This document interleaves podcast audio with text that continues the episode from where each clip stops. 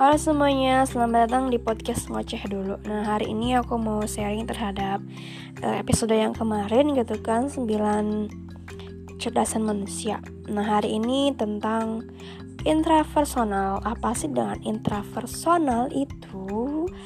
Jadi, intrapersonal itu adalah memahami dirinya sendiri dengan baik. Tidak mudah patang menyerah, gigih dan tidak minder. Jujur, aku tuh adalah orang yang memiliki kecerdasan intrapersonal. Nah, biasanya kecerdasan intrapersonal itu dia itu memiliki teman yang sedikit, tapi bukan berarti dia tidak pandai bergaul ataupun apa. Dia itu pandai, cuman dia itu pemilih gitu kepada mau berteman dengan siapa yang menurut mereka itu baik untuk mereka gitu kan. Jadi seperti itu. Nah, biasanya orang-orang yang memiliki kecerdasan intrapersonal itu suka mendapatkan stigma buruk dari masyarakat ataupun apa karena mereka itu biasanya tuh pendiam nih kayak gitu.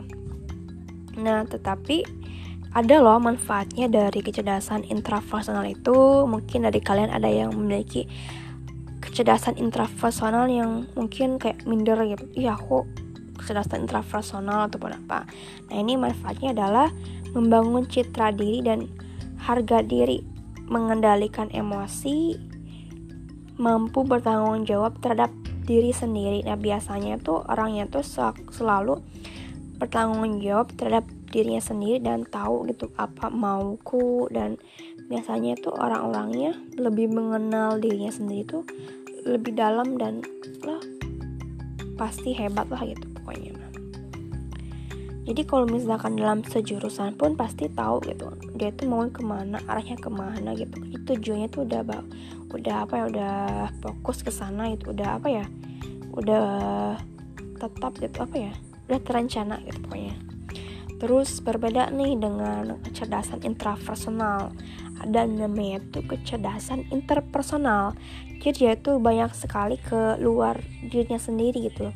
Biasanya orang orangnya itu aktif ataupun banyak teman gitu kan lebih apa ya mudah beradaptasi gitu. Karena uh, intrapersonal itu adalah kemampuan yang bisa uh, berkomunikasi dengan baik dan apa ya kemampuan untuk beradaptasi dengan orang lain seperti itu. Jadi teman-temannya itu banyak gitu kan. Berbeda dengan orang kemampuan intrapersonal gitu kan.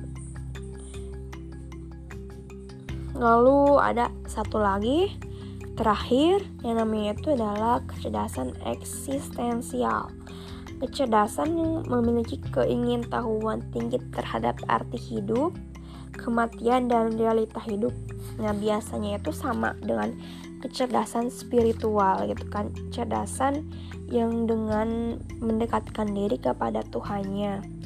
Tentang apa sih gunanya hidup ini? Um, kok aku begini sih? Gitu kan. Nah biasanya kalau misalkan dalam Islam gitu kan saya itu beragama Islam kecerdasan spiritual itu penting gitu kan. Jadi kita itu dalam dunia itu ataupun melakukan aktivitas itu tidak hanya dengan semena-mena kita itu di dunia itu dengan beribadah melakukan ibadah ya seperti itu. Jadi melakukan kegiatan itu dengan uh, apa ya niatnya itu ibadah kepada Allah Subhanahu Wa Taala. Jadi seperti itu.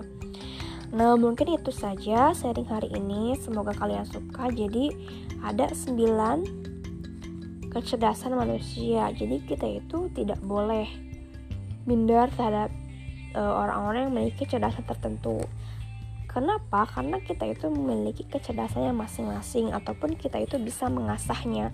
Misalkan gini, aku tuh orangnya tuh intrapersonal, mungkin ha, apa ya selalu diasahnya itu di kecerdasan intrapersonalnya aja. Tapi kalau misalnya kita tuh mau kitanya itu mau mengasah kecerdasan yang lain, itu bisa lah berubah. Mungkin um, minggu sekarang aku kecerdasannya tuh intrapersonal itu tinggi gitu kan.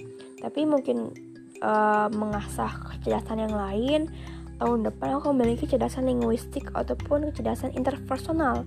Itu bisa aja gitu kan. Gimana mengasahnya gitu kan. Jadi mungkin itu saja episode hari ini. Sampai jumpa di episode berikutnya